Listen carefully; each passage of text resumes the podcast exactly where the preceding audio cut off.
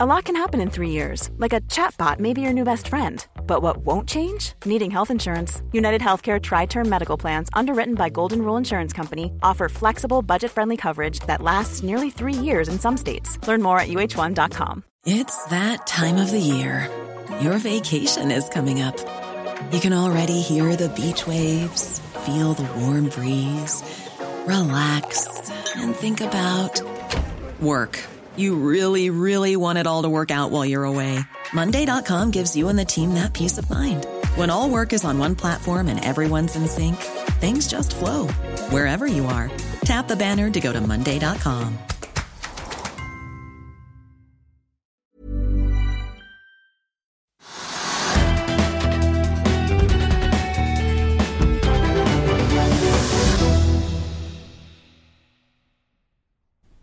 Velkommen til Økonominyhetene. I dag besøk av sjeføkonom Harald Magnus Andreassen fra Sparebank1 Market. Men først så begynner vi på Oslo Børs. Det har vært helt flatt i dag, Trygve. Tendert bitte litt ned, og nå er vi bitte litt opp. Ja, flatt og uspennende eh, når man da ser på hovedindeksen og summen av alt sammen. Men så har det vært et par sånne hendelser som er ganske morsomme. Ja, altså Noe av det kunne man tro var henført til oljeprisen, men det er ikke. Altså Oljeprisen var ganske kraftig løft i går. Hvis du fulgte med i går kveld, så var plutselig oljeprisen opp 3-4 og lettoljen var plutselig handlet på 54 dollar på fat, og, og Brenten på over 62 dollar på fat. Og så har den falt tilbake i løpet av dagen. Så nå er vi nede på 53 dollar igjen, og på 61 dollar på Brenten. Så, men fortsatt nesten en dollar høyere enn da vi hadde sending i går.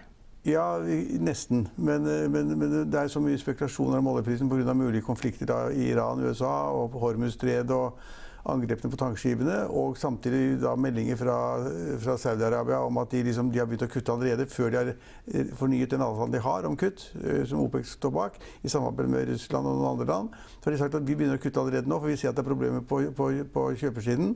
Ikke tilbudssiden, men på kjøpersiden. Og da er jeg redd for hva som foregår, og at prisen kan falle for mye fordi at etterspørselen synker for mye. Og så er det begynt å kutte, sier de. Og så er det diskusjoner om at dette vil bli, få gjennomslag på eh, OPEC-møtet, som da skulle vært om et par dager, men som kanskje blir utsatt i begynnelsen av juli.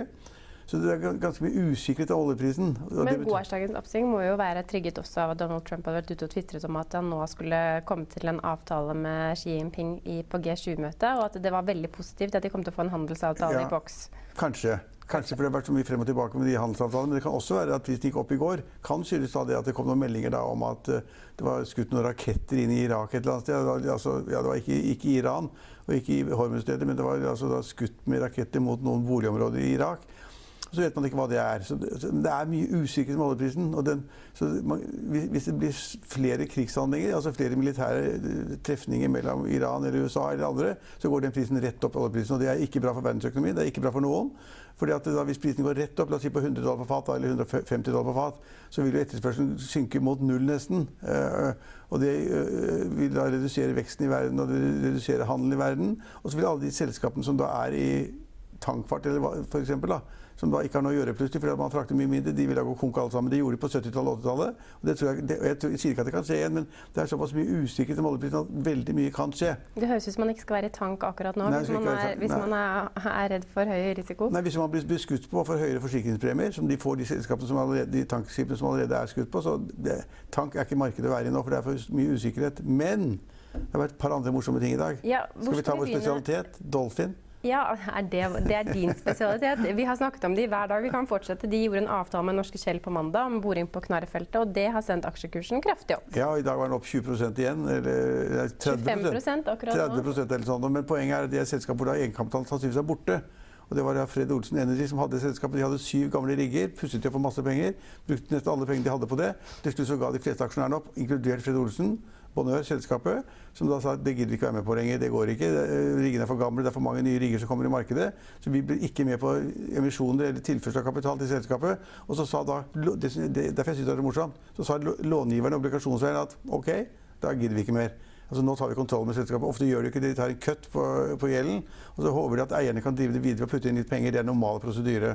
Så sa de nå gidder vi ikke mer. Nå tar vi kontroll med selskapet. Og etter at de gjorde det, og den gamle egenkapitalen som synes var borte, så har da kursen gått som barakkeren. For de fikk den ordren som du sier, som da skal gi 100 millioner, eller litt over 100 millioner kroner i 2020. Eh, så jeg synes det er ganske morsomt at noen, om det da er de långiverne og obligasjonseierne som da fikk aksjer, eller har fått aksjer, som da trader de aksjene, eller om det er den bitte lille andelen som ble igjen til andre, til sånn smuler til de andre, det er den som trades i markedet til da oppgang 30% i dag og 20% i går. og Men så er det liten omsetning. Det er 4-5 millioner eh, kroner i omsetning. Hvis vi hopper til nummer to på vinnerlisten, så må vi snakke litt om XXL. Altså der har jo Øyvind Tidemannsen, som er styreleder i XXL, solgt eh, var det nesten 2,4 millioner aksjer til 25 kroner stykket. Og så er det en rekke aksjer, faktisk 7,1 millioner aksjer, som er blitt plukket opp av det oppkjøpsfondet Altor. Ja, altså her er, det, her er det på en måte en koordinert plan. Altså XXL går dårlig. Det har gjort mange feil. Eh, og har jo falt da fra toppen til jeg husker 78% eller sånn nå. Det har vært en stor skuffelse for alle etter at de til å begynne med fikk en oppgang. Alle trodde at dette var tingene å gjøre, og de gjorde alle de riktige tingene i Norge og i Sverige. Og så skulle gjøre de samme riktige tingene i Østerrike eller sånn. Men så har de gått dårlig. De har bomma helt. altså, det, er flere, det er flere som har bommet eller skutt litt for bra også? Jo, jo, men så de har bommet også. Har han da hatt litt problemer på flere områder. Og så har han åpenbart funnet at han ikke vil være drivende hovedaksjonær i selskapet. Og så har han da sagt at til det selskapet du nevnte, det er oppkjøpsfondet, eller Altor, Altor ja. eller de som står bak det, og sagt at hvis dere kommer inn, hvis dere er interessert i selskapet, så kan dere få noen billige aksjer av meg. Så hvis kursen var 28-29 kroner, så har han solgt de aksjene på 25 kroner. For at Altor skal føle at liksom de får makten og får kontroll over flertallet. Og så har han sagt at jeg selger billig nå, i håp om at jeg kan få tilbake de pengene på et høyt tidspunkt hvis vi gjør riktige ting fremover. Så han har fått inn en stor aksjonær. har vært omsatt aksjer for 300 millioner eller sånn nå. Uh, og han har gått ut av de forskjellige kurser, men det, det beløpet du nevnte, er jo bitte lite. Altså, det, det er, aksjen står vel igjen, står jo litt over 28 kroner. Ja, men det har jo vært en rekke, aksjer er 50 kroner. Det har vært en rekke skriverier om at hans uh, interesse for jakt også de ja, siste dagene. Ja, så ja, det det, det altså, hva, hva På eksotisk vilt, ja, hva han må man vel kalle det. Hva han gjør på fritiden, vet jeg ikke, men, men i alle fall så, jeg tror han har mer problemer enn det han liker å innrømme. Og så solgte han da ut litt XXL-aksjer for å få da inn tøffe, harde forretningsdrivende eiere på siden med siden av seg selv. Det var morsomt. da Kursen har vært opp 20% Ja, nå er den faktisk opp eh, ja, nesten 21 Så må vi nevne PGS, for det er jo dagens store taperaksje. Ned 15, eh, nesten 16% Ja, Har du svaret hvorfor? Ja. ja, det er fint. De har jo Nå må jeg titte Jeg trodde du skulle, dette skulle komme på løpende bånd. De trekker tilbake en refinansiering som ble annonsert i slutten av mai. Fordi de ser økt volatilitet i kapitalmarkedet og svakere investorsentiment. Og de regner med å kunne gjøre en bedre avtale i andre halvår så lenge markedet ikke blir verre. Ja. ja. De har jo hatt store problemer. Altså, ja, de har over lang tid hatt store problemer. Seismikkmarkedet har vært kjempedårlig. Og så har det vært litt bedre fordi at folk trodde at en høyere oljepris ville gjøre at uh, oljeselskapene, som da tjener penger, og, og har mer penger til å drive med seismikk eller handling av supply-båter eller ankerhåndteringsskip eller eller hva som helst, boring. At de trodde at alt ville bli bedre seismikk. Altså, så, ja, så ble det kanskje ikke det. De, men det var riktig at de hadde en sånn reforhandlingsperiode hvor alle trodde at nå var alt på plass. og Aksjen gikk ganske kraftig opp. Og jeg så da med forundring i dag at aksjen falt 14 og med omsetning på flere hundre millioner kroner. Ja. Kan vi ta med at Austevoll Seafood stiger litt, 1,5% på at DNB oppgraderer aksjen fra hold til kjøp. Og så har Oslo Børs bestemt seg for å ta opp Scanship Holding til notering på Oslo Børs, som tidligere har vært på Oslo Aksess siden 2014. Ja, altså jeg vet ikke om det var så mye. Så DNB også var opp 2 der, faktisk. At de DNB tjener mye penger. Så får du en ny kvinnelig sjef, da må du tjene enda mer penger. vet du. Alle kvinnelige ledere, Hvis det, hvis det er flertall av kvinner i styret og ledelsen, så tjener de alltid mer penger. Ja, og... Det var ironi. Nei, det var ikke ironi. Det verste jeg har hørt. Hva er det som er i all time high og all time low i dag, da, Trygve?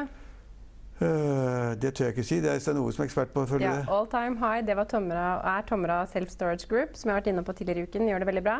All time low var Tinfilm, Next, Next Biometrics, Napatech og Okea. Ja, ok. Okea har, det kan bare nevne én setning på det. Ja. Det er jo det nye oljeselskapet hvor eh, Borten Moe og andre eksperter gikk inn i. Altså de skulle hente masse penger, fikk ikke de pengene. Fikk en mye lavere kurs enn det de indikerte. Og kursen falt da fra den lanseringskursen deres for rundt 21 kroner, så falt den da første dagen. Det var ja. ikke noe godt tegn. Uh, de fikk ikke de pengene de hadde ønsket heller, men de har fått nok til å kunne drive og kjøpe småandeler, sier de. Vi må ikke tulle med sånn ironi om kvinnetrygve. Da får det plutselig hele Vi alle er veldig fornøyd med at DNB får en kvinnelig toppsjef. Ja, jeg òg. Til og med Rune Bjerke. Men hun er kjempegod. Men jeg bare sier det at det er sånn Han går jo av tidligere. Han skulle, ja. hadde jo egentlig helt til september. Men, men, han... men når det kommer sånne undersøkelser som viser at hvis det, flere, hvis, det er, hvis det er, flere, kvinner i styre eller ledelse, så garanterer de bedre avkastning. Det tror jeg ikke noe på. Hvis det er noen som lurer på hva telefonnummeret og mailadressen til Trygve Hegnar er, for å ta en liten diskusjon med han etter sending, så er det bare å kontakte meg. Nei, det har jeg ikke tid til. Vi er straks tilbake med sjeføkonom Harald Magnus Andreassen fra Sparebank1 Markets Studio. Vi tar med oss oljeprisen. Brentollen er nå ned 1,35 til 61 dollar og 44 cent. Dagsomsetningen på Oslo Børs er 3,1 milliarder kroner.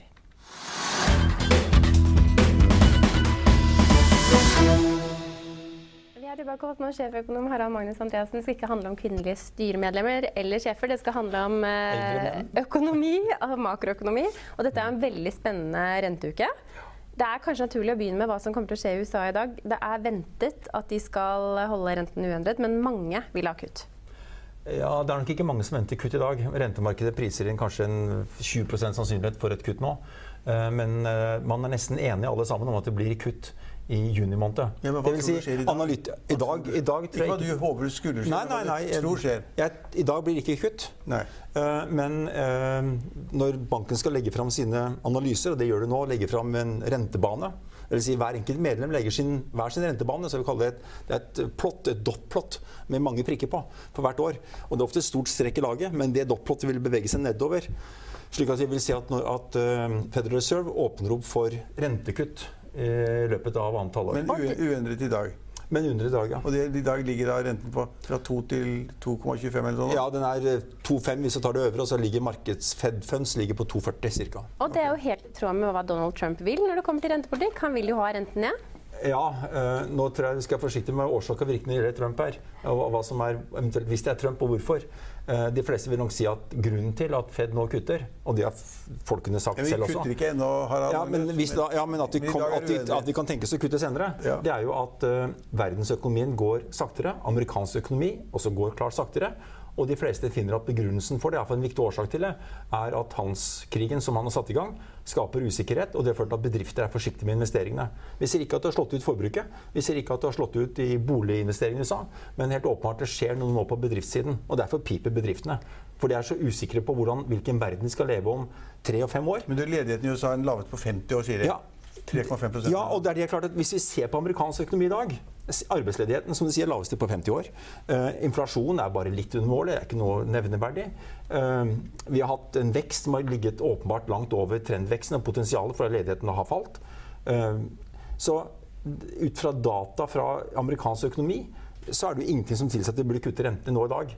Men Fed prøver å være fremoverskuende, og de ser at det nå begynner å balle på seg. Og vi har sett svakhetstegn på investeringssiden, ikke bare i USA, men også andre steder som gjør at man da er redde for at eh, aktiviteten også USA blir for svak, og da kutter de rentene. Fed, Trump vil selvfølgelig si det var fordi han sa det. Ja, for det var litt fleipete ja, ja, ja, jeg, vet, jeg, tror heller han, ikke at Donald Trump jo, kan påvirke, men man blir jo litt han, urolig. Han ville ikke selvfølgelig si at det var fordi at jeg satte i gang en handelskrig som ødelegger økonomien, at derfor må Fed kutte for å hjelpe oss tilbake igjen. Han ville selvfølgelig si at de var, setter renta altfor høyt, og at de nå endelig har hørt på han, og at hans analyse var riktig. Men, men, men det, det, mener jeg det, Jeg tror ikke mange økonomer og forstandige folk vil abonnere på den Eh, forklaringen som Trump har. Renta i USA var ikke spesielt høy. Og det, der hvor det nå slår ut i økonomien, er ikke på de rentefølsomme delene som er for svake. Uh, normalt har ikke hva rente er, betyr ikke særlig mye for bedriftenes investeringer. Så men, dette skyldes nok usikkerheten på handel. Han sa det at han sa, Forleden så sa han noe merkelig altså han sier noe merkelig hver dag. Da. Trump er ikke Powell. Han nei, sier ikke så mye rart. Han sa det at Powell har gjort masse feil, sa han. Han har ikke gjort så mye feil de siste månedene.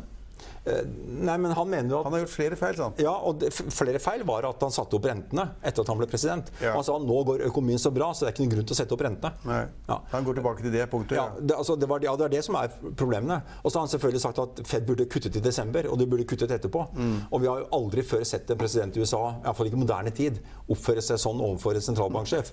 Vi har aldri før, Nå vurderer han skal, de spar, skal han sparkes, og det kan han nok klare det kan han gjøre. Klare hvis han vil. Ja, og, men øh, en sånn konfrontasjon eh, tror jeg vi, altså, Det må langt tilbake i historien for å finne det. Og i går så angrep nå Draghi. På, Donald skrev om det på meningsløst grunnlag, både mm, ja, på alle mulige vis. Ja, da var det vel euroen og ja, da var det at, uh, lett og, altså Det var flere elementer? var det ikke? Ja, flere elementer. Det viktigste var at uh, Draghi overrasket markedet i går uh, ved en, en, tale, hvor han sa at Åpnet for å kutte mer? Ja, åpnet for å kutte. Selv om det er minus, så kan de kutte noe mer. Og de åpnet for å kjøpe alt som kunne røre på seg. Eh, statsobligasjoner, bedriftsobligasjoner de, de kan, Han sa ikke aksjer, men prinsippet Men det mente Trump var et angrep på USA? Ja, og, da, og det førte til at euroen falt tilbake der den var eh, for 24 timer siden. En halv prosent ned. Den var samme på nivå på mandag som på tirsdag, men det har vært litt tur opp og så ned. Og da var dette et angrep på USA. Ja. Uh, og det, det, er ikke ofte at jeg kan, kan ikke huske å ha sett før at en, en statsoverhode i et land angriper sentralbanksjefen i et annet land. Uh, ingen er trygge, det er i hvert fall sikkert. Det, det som skjer, altså, og det er litt av det vi nå sliter med. Hver dag så sies det ting som aldri har blitt sagt før fra en ansvarlig styrende person. Og han har satt i gang altså mot Kina. Han har satt i gang eh, holdt på å sette i gang mot Mexico. Han har tatt India. Han truer med 12-25% på bil. Argumentasjonen flyr i hytt og pine. altså Det enkleste eksempelet fra de siste par ukene. da. Eh, amerikanske myndigheter og Trump mener at Huawei utgjør en stor nasjonal sikkerhetsrisiko. Fordi at det kinesiske selskapet kanskje kan lage et hull i telesystemene og tappe informasjonen tilbake til Kina.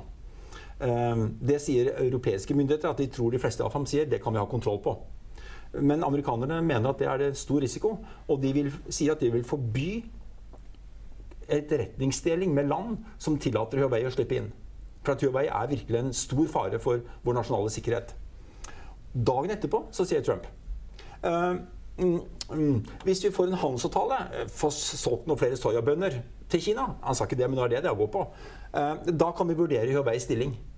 Og det er klart at Da vet alle som hører på det, det er ingen konsistens, det er ingen logikk. Jeg har sett artikler i de siste dagene som går på de har summert sammen hva han sier i tweet etter tweet og setning etter setning. Og det er fullstendig ulogisk. Det henger ikke på grep i det hele. Og det er klart at problemet nå for bedriftene i denne verden Vi, vi har levd Altså i vår tid. Ja, i vår tid heller.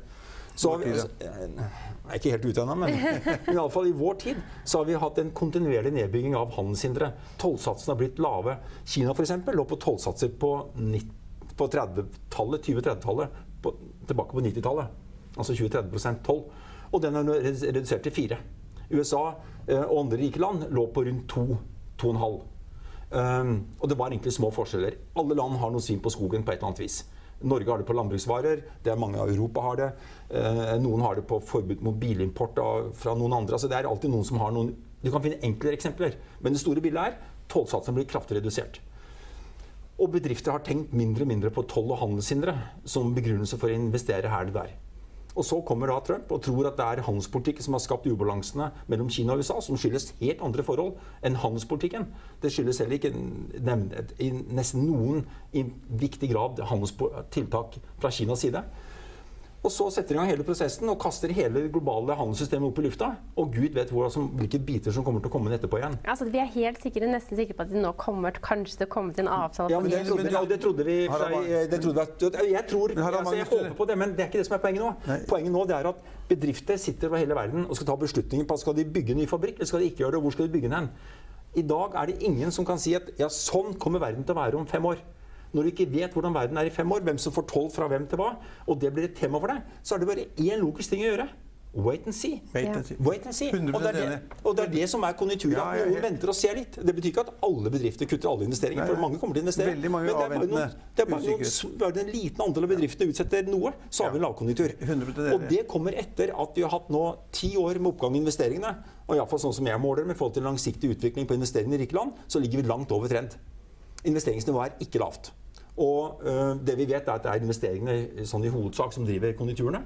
Og da er vi måtte utsatt uansett. Og vi sa før handelskrigen ble tema, at vi gikk mot slutten av oppgangskonjunkturen. Ja, ja du har jo argumentert for nedgangskonjunktur og resesjon lenge, du. Ja, ikke så lenge, men en stund. For det vi så, det var at, og vi sa ikke at det ville komme nå, men vi måtte forberede oss på det.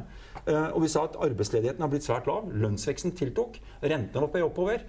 Uh, og vi så at investeringsnivået i bedriftene var høyt, og dermed utsatt. Og så kommer den derre kanonkula fra høyre ikke sant? Og, og skyter men, men, opp alle, men, men, vi, er enige om at han, at han, sier mye tull og ikke skjønner uh, internasjonal handel? Det Nei, det gjør han ikke. ikke Nei, vi, vi, vi, vi, her i programmet vi er 100 enige med deg, men du var inne på en ting, og det var det at at, uh, at uh, han sier ting som er galt eller riktig eller lyver eller hva som helst. Har du sett tallene fra Washington Post? Mange feil? Ja, jeg har sett dem. Altså, det er, nå, er det 7-8-9 på dagen? er det det? Eller? Ja, det er 10 000 totalt. da. Ja, 10 000. Altså, det, er, altså, det, er, helt absurd. Og alle politikere lyver innimellom. Men det er ingen historien som noen gang har vært i nærheten. 10 000 har de tallene. Washington Post er en seriøs avis. Ja, ja. Og, da, og jeg tror det er mye riktig, det er mye mange repetisjoner her, men, men saken er at vi aldri har hatt en statsleder som vi måtte forholde oss til på et eller annet seriøs måte, som vi ikke kan ta på alvor hva han sier en eneste gang. For han sier stort sett noe annet, han skjønner ikke hva han sier, eller han sier noe annet etterpå. Og det betyr at det, altså, Du kaster på en måte hele og han vil jo, og det ligger, Men det som ligger bak her, som er det urovekkende, det er at han vil bygge ned den verdensorden som USA har etablert, og som USA har profitert stort på. I'll see you in court. Vi sier det ofte litt på spøk, men for deg som driver business, er det aldri moro å innse at du ikke har laget en 100% gyldig kontrakt. Du bør ikke risikere hele firmaet ditt fordi du synes dette med kontrakter er litt stress. En avtale er ikke en avtale. Du kan miste kunder, miste venner, ja, til og med miste inntekter om du ikke lager en skikkelig kontrakt på alt mulig, egentlig.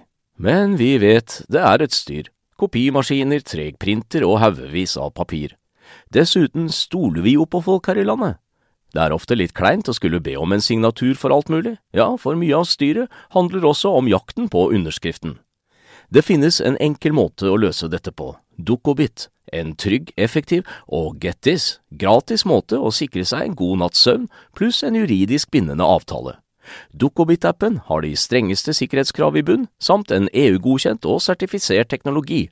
Framover vil det bli behagelig å spørre du, skal vi skrive under på det, eller? Kom i gang på dukkobit.no. Fra noen arbeidere i Midtvesten som USA ikke tok vare på. Altså, for de ville ikke ta vare på Nei, Magnus, vi er kunne jo 100 snakket om Donald Trump Vi er intervju. enige, vi er enige, vi er 100% enige, og det resonnementet er helt riktig. Og, det, og det, derfor, og derfor er jeg urolig Ja, på konjunkturene. La oss hoppe, la oss hoppe til, eh, til, til, til Norge. Ja, Vi kan bare si én ting om verden ute først. og det er at Ja. Vi har sett at industribarometrene, eller bedriftsbarometrene har falt mye. Det har falt mye fra april til mai, den globale PMI-en. Og vi har nå et, et, fikk et tall fra USA på mandag, fra New York. New York Feds barometer. Det største fallet på en måned noen gang. Nivået er ikke katastrofalt, men det er svakt. Det er veldig svakt. jo kjempeviktig. Og, det, og saken er at den farten som global økonomi har i dag, den er ikke tilstrekkelig til å holde verken Oslo Børs eller andre riskmarkeder oppe over tid. For at veksttakten er godt under trendveksten, og på industrien kan være nær null nå. Og med nullvekst i produksjon, så faller aksjemarkedet. Det har alltid gjort det, og har ingen grunn til å tro at det ikke kommer til å gjenta seg. Derfor sa din kollega Og derfor- Hermanrud Nettopp. at markedet kan falle 40% i høst. Det kan det godt falle. På Det er ikke investordagen, men, det er, men det vi vet, etter at det har vært så dyrt som det var i fjor høst, Mm. og det har begynt å falle, og vi ser tegn på at økonomien svekkes, så har det aldri Vi har aldri, aldri før stoppet kniven midt i fallet. Det skjærer igjennom, og det kommer ned på et lavt nivå. Og det sitter kunder i sånn at Oslo Børs faller 40-60, 65% hvert femte år. Det har vært historien. Eh, Nå var det ti år siden sist, og grunnen til at vi hadde vi slet litt med å komme i gang etter finanskrisen. Vi har ikke hatt den booming economy. Vi fikk det på slutten. I 2018 så kom vi høyt opp. Eh, Og da sier vi følgende Det å legge til grunn at det som alltid har skjedd før, aldri skal skje igjen, er en dristig strategi. Det er så enkelt. Liksom. Prøv å lære av historien på de markedene opererer på. Og vi vet mekanismene. Overoptimismen eh, avler for store nyinvesteringer i shipping eller hvor det måtte være. Men nå er ikke shipping vært booming nå, fordi han har litt annen sykkel. Men generelt, gode tider fører til at det bygges ubalanser, og de blir reversert. Og det drar risk, altså aksjemarkedet ned, kredittspreddene stiger. Så da tror du at- det Herman du sa på investordagen, med et mulig fall, ikke sikkert fall, mulig fall, det er mulig, på 40% det tror du på enda mer nå, kanskje? Eh, Jeg er ikke blitt mindre bekymret. Vi har ikke blitt mindre, jeg diskuterte med Petter gikk her, og vi er ikke mindre bekymret for i dag enn for en uke Nei, siden. fordi, tallene fra, tallene fra New York var jo skrekkelige. Det var dårlige. Ja. Ja. Men la oss, la oss rette blikket litt lenger, altså litt nærmere oss selv, altså hjem til Norge. Vi har rentemøte i morgen. Ja. Det er varslet renteoppgang. Ja, her må ta på seg et helt annet smil. Ja, for det, det er liksom kort mellom himmel og helvete. Da. Ja. altså, her er det da spådd renten opp. Og, og det er fordi at Norge nå er i motfase. På samme måte som vi var i motfase Det har vært mye av tiden etter 2008, men spesielt da Først var på oppsiden. Vi gikk bra, mens de andre gikk dårlig.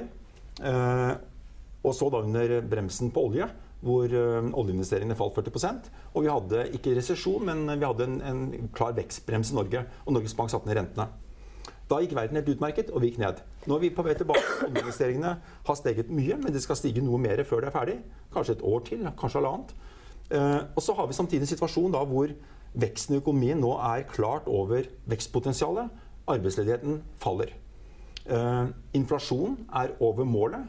Kronekursen er mye svakere enn det noen trodde den skulle være. Og har ikke reagert på at vi har fått rentesignaler i Norge som spriker 180 grader fra det vi ser ute. Samtidig er fortsatt gjeldsveksten til husholdningene høyere enn inntektsveksten. Og boligprisene putter fortsatt oppover. Og hvis det skal være en situasjon hvor Norges Bank skal kunne øke rentene, så er det jo nå når det, altså Hadde vi fått en kronekurs som hadde føket til å være 10 så har jeg sagt da er vi, da er vi eh, gjort. Da klarer vi ikke lenger å øke Jeg følger med deg. Det kommer til å gå over. Eh, hadde kronekursen vært 10 sterkere, så hadde vi ikke hatt muligheten til å sette opp rentene. Men nå er kronekursen ikke 10 sterkere. Den er, er, er, er der den er i dag. Og da mener jeg det er helt åpenbart at Norges Bank må bruke muligheten. Men tror du, tror du kronekursen styrker seg umiddelbart hvis vi setter opp renten i morgen? Mm, får, ja, får kanskje en halv prosent, en prosent, ja, kanskje. Ja. Men småtteri, altså i forhold til det store det vi har av bevegelse, tror jeg ikke på noe dramatikk som følge av dette her. Nei. Og, um, det betyr ikke at jeg er sikker, og jeg tror Norges Bank kommer til å løfte renten. Hvis de, hvis de, øker renten i morgen, og det tror alle Ja, 19, 20 av ja, Men da blir det bare, fortsatt bare 25 rentepunkter, altså fra 1 til 1,25 ja. Det er ikke plutselig slår til med, nei, nei. med 50 nei, nei, nei, det er ikke 50 punkter. Eh, noen spekulerer på om de vil annonsere ny renteøkning i september. Mm. Jeg mener at de burde gjøre det, men jeg tror ikke de gjør det.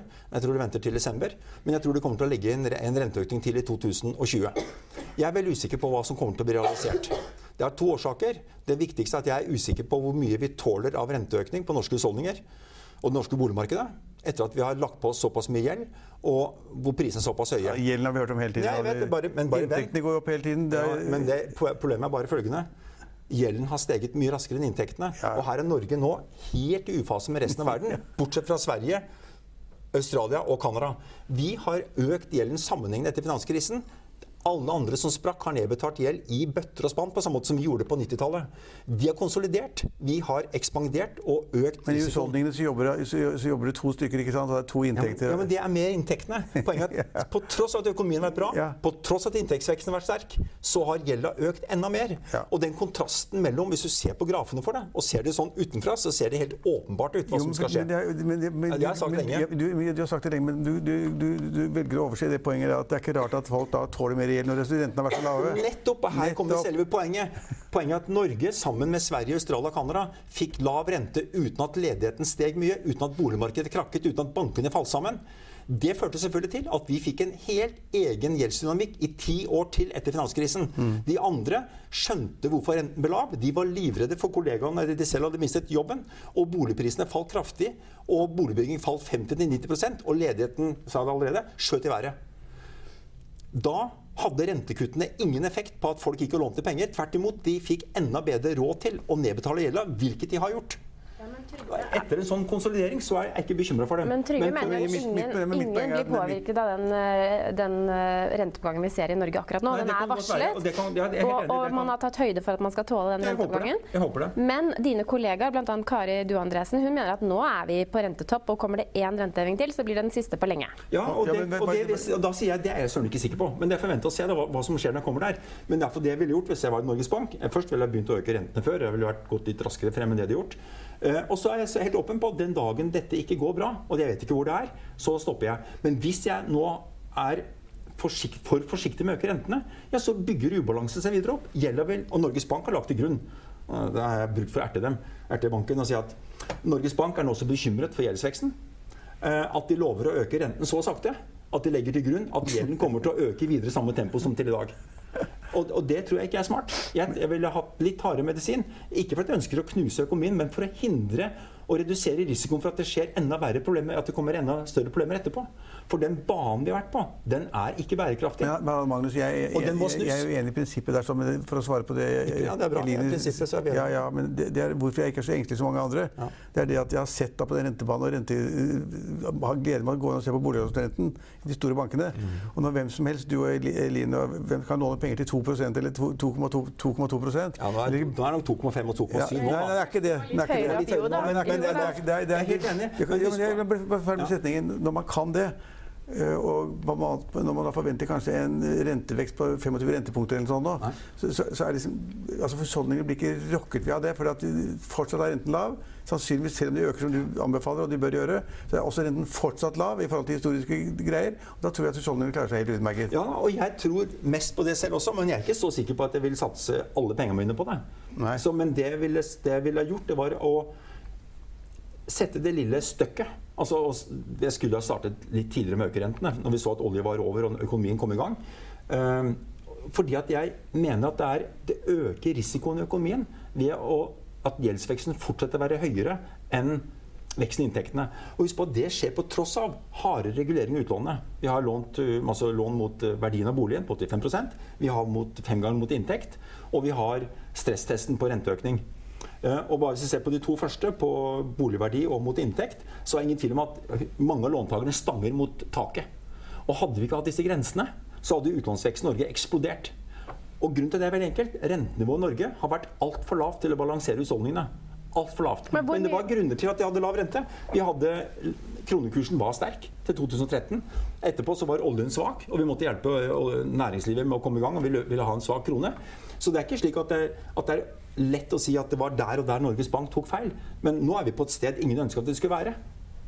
Det går ikke altså. Og det, opp, det, det endte opp med, at vi har lånt masse penger for å investere i ting som gir svært dårlig avkastning. Det var en veldig morsom førsteside av avisen din her deres for noen uker siden med en stor, ja, mellomstor eiendomsinvestor som solgte hele skitten av utleieportefølje på bolig for at gilden er for lav. Fordi prisene var for høyt. Men samtidig så satser jo Selvåg boligutleie så det suser. Ja, selvsagt. Det er jo mange folk, men det er jo akkurat samme som folk kjøper aksjer på toppen.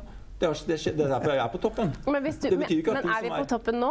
Det, nei, det, det syns jeg er vanskelig å si. Eh, Harald Magnus har bomma på boligmarkedet i altså, ti år. Så, ja, selvfølgelig. Jeg er helt åpen på det. Selvfølgelig har bomma. Men bortsett fra at jeg traff på boligmarkedet i vestlige land på en måte som jeg kunne ikke drømme om var riktig. Og det skapte den største krisen etter 30-tallet. Eh, jeg bommet på fire-fem land.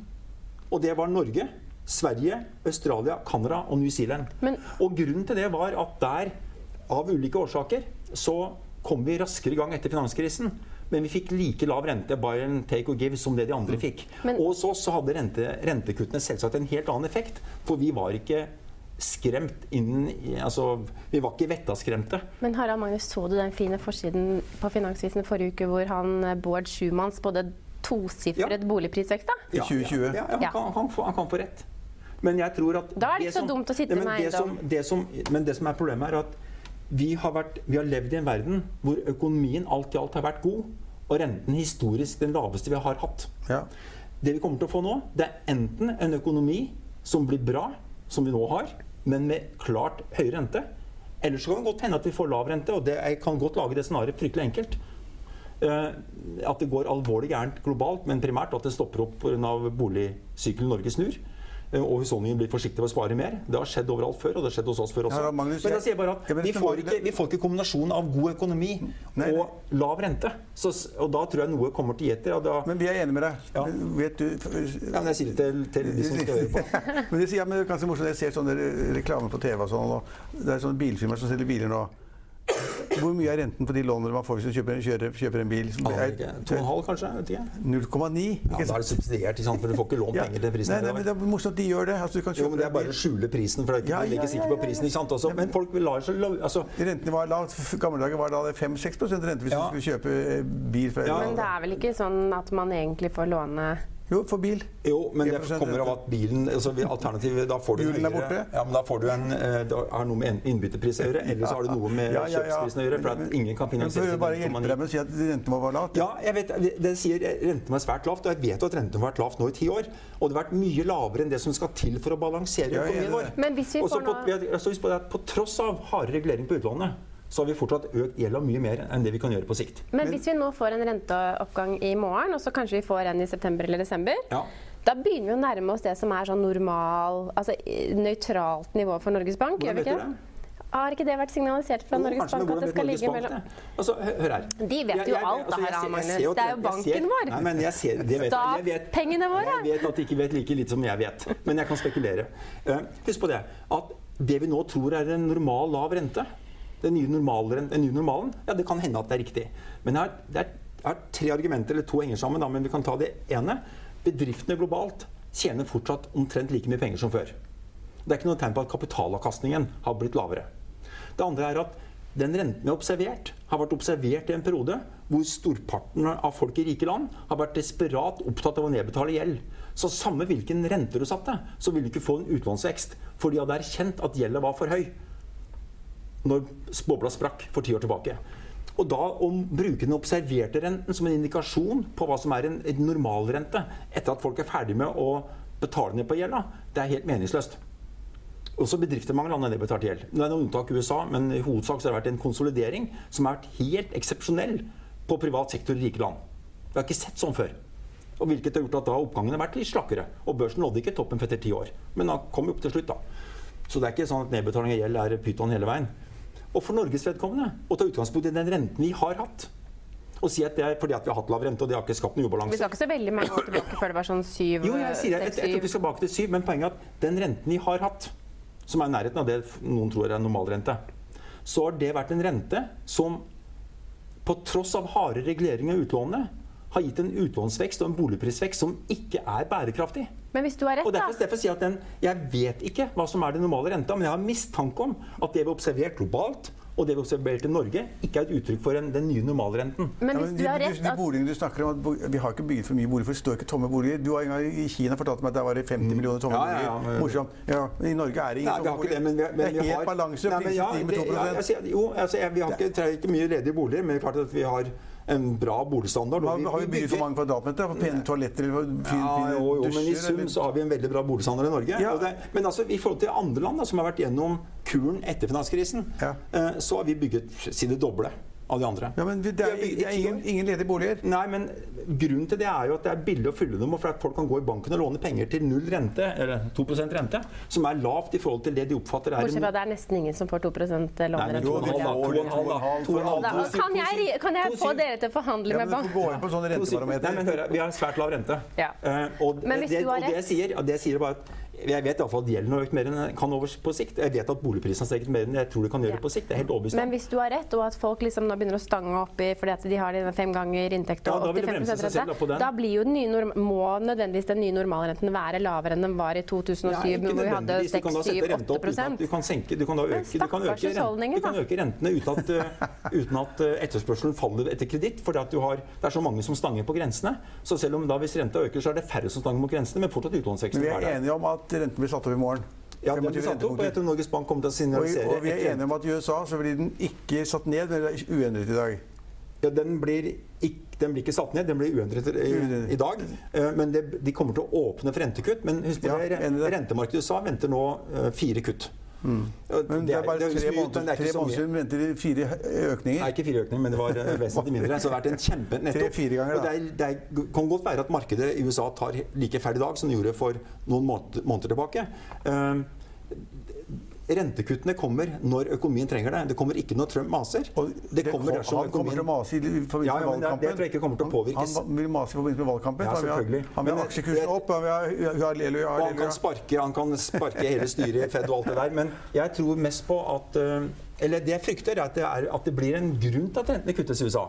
Og den grunnen er at økonomien går dårligere. Og Ja. den går dårligere fordi at vi hører, fører en, en, en tullete økonomisk politikk. det er en stund til, det å si at det går dårligere. Ja, men det, det er derfor jeg er enig med det. Er derfor at det er jo ikke sånn nå at det er i dag noen argumenter for at Fed burde kutte. nei da. Eh, Men de kan være fremoverskuende, og de kan ta inn over seg de bekymringene bedriftene har, og si at de er beredt til å kutte når det trengs. Men de, de, ikke til, de skal ikke bare produsere en rentebane i dag, eller rentebaner da, for å være medlemmene, men også anslag på eh, BNP-vekst og på ledighet og på inflasjon. Og de anslagene kommer ikke til å være nevneverdig endret. Men oppsiden er at du mest sannsynlig kommer til å være tilbake i studio før vi vet når neste renteoppgang eller nedgang kommer fra USA, kanskje. Mm, Det, For nei, jeg vi- tror at rente, altså det, vil ikke se bort fra at rentekuttet kommer i juli, slik markedet nå venter. OK.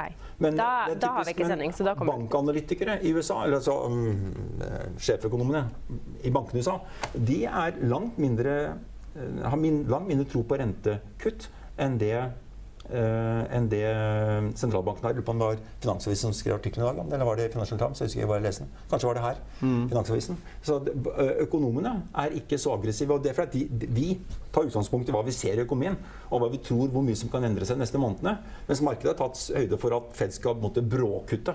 Men du får tatt litt sommerferie til tross for engasjement her. Jeg skal ta lang sommerferie. og jeg skal når jeg skal besøke deg på Lyngør. for et glass vin og Så hyggelig, da. Nei, men da får vi få oppdatering på hvordan det gikk etter sommeren. God sommer så lenge, Harald Magnus. Og så skal vi fortsette sendingen her. Takk for at du kunne komme. I Finansnytt i morgen kan du lese Trygve Hegnars leder om forsøket på utsendelse av Basi-familien til Afghanistan og grinekommisjoner i pressen.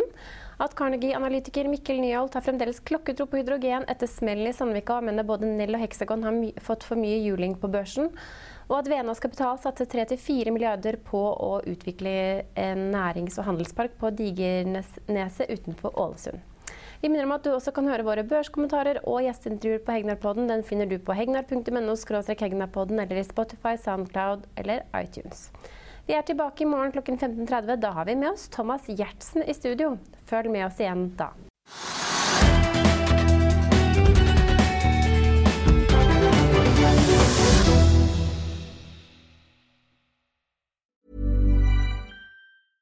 Imagine the softest sheets you've ever felt. Now imagine them getting even softer over time. That's what you'll feel with Bowl and Branch's organic cotton sheets. In a recent customer survey, 96% replied that Bowl and Branch sheets get softer with every wash. Start getting your best night's sleep in these sheets that get softer and softer for years to come. Try their sheets with a 30-night guarantee. Plus, get 15% off your first order at bowlandbranch.com. Code BUTTERY. Exclusions apply. See site for details.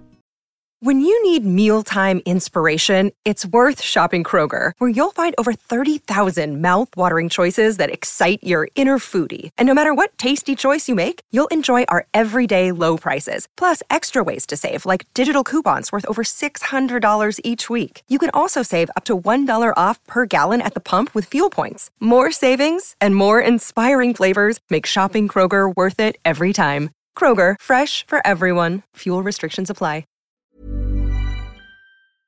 Økonominyhetene er en podkast fra Finansavisen. Programledere er Marius Lorentzen, Stein Ove Haugen og Benedikte Storm Bamvik. Produsenter er Lars Brenden Skram og Bashar Johar. Og ansvarlig redaktør er Trygve Hegnar.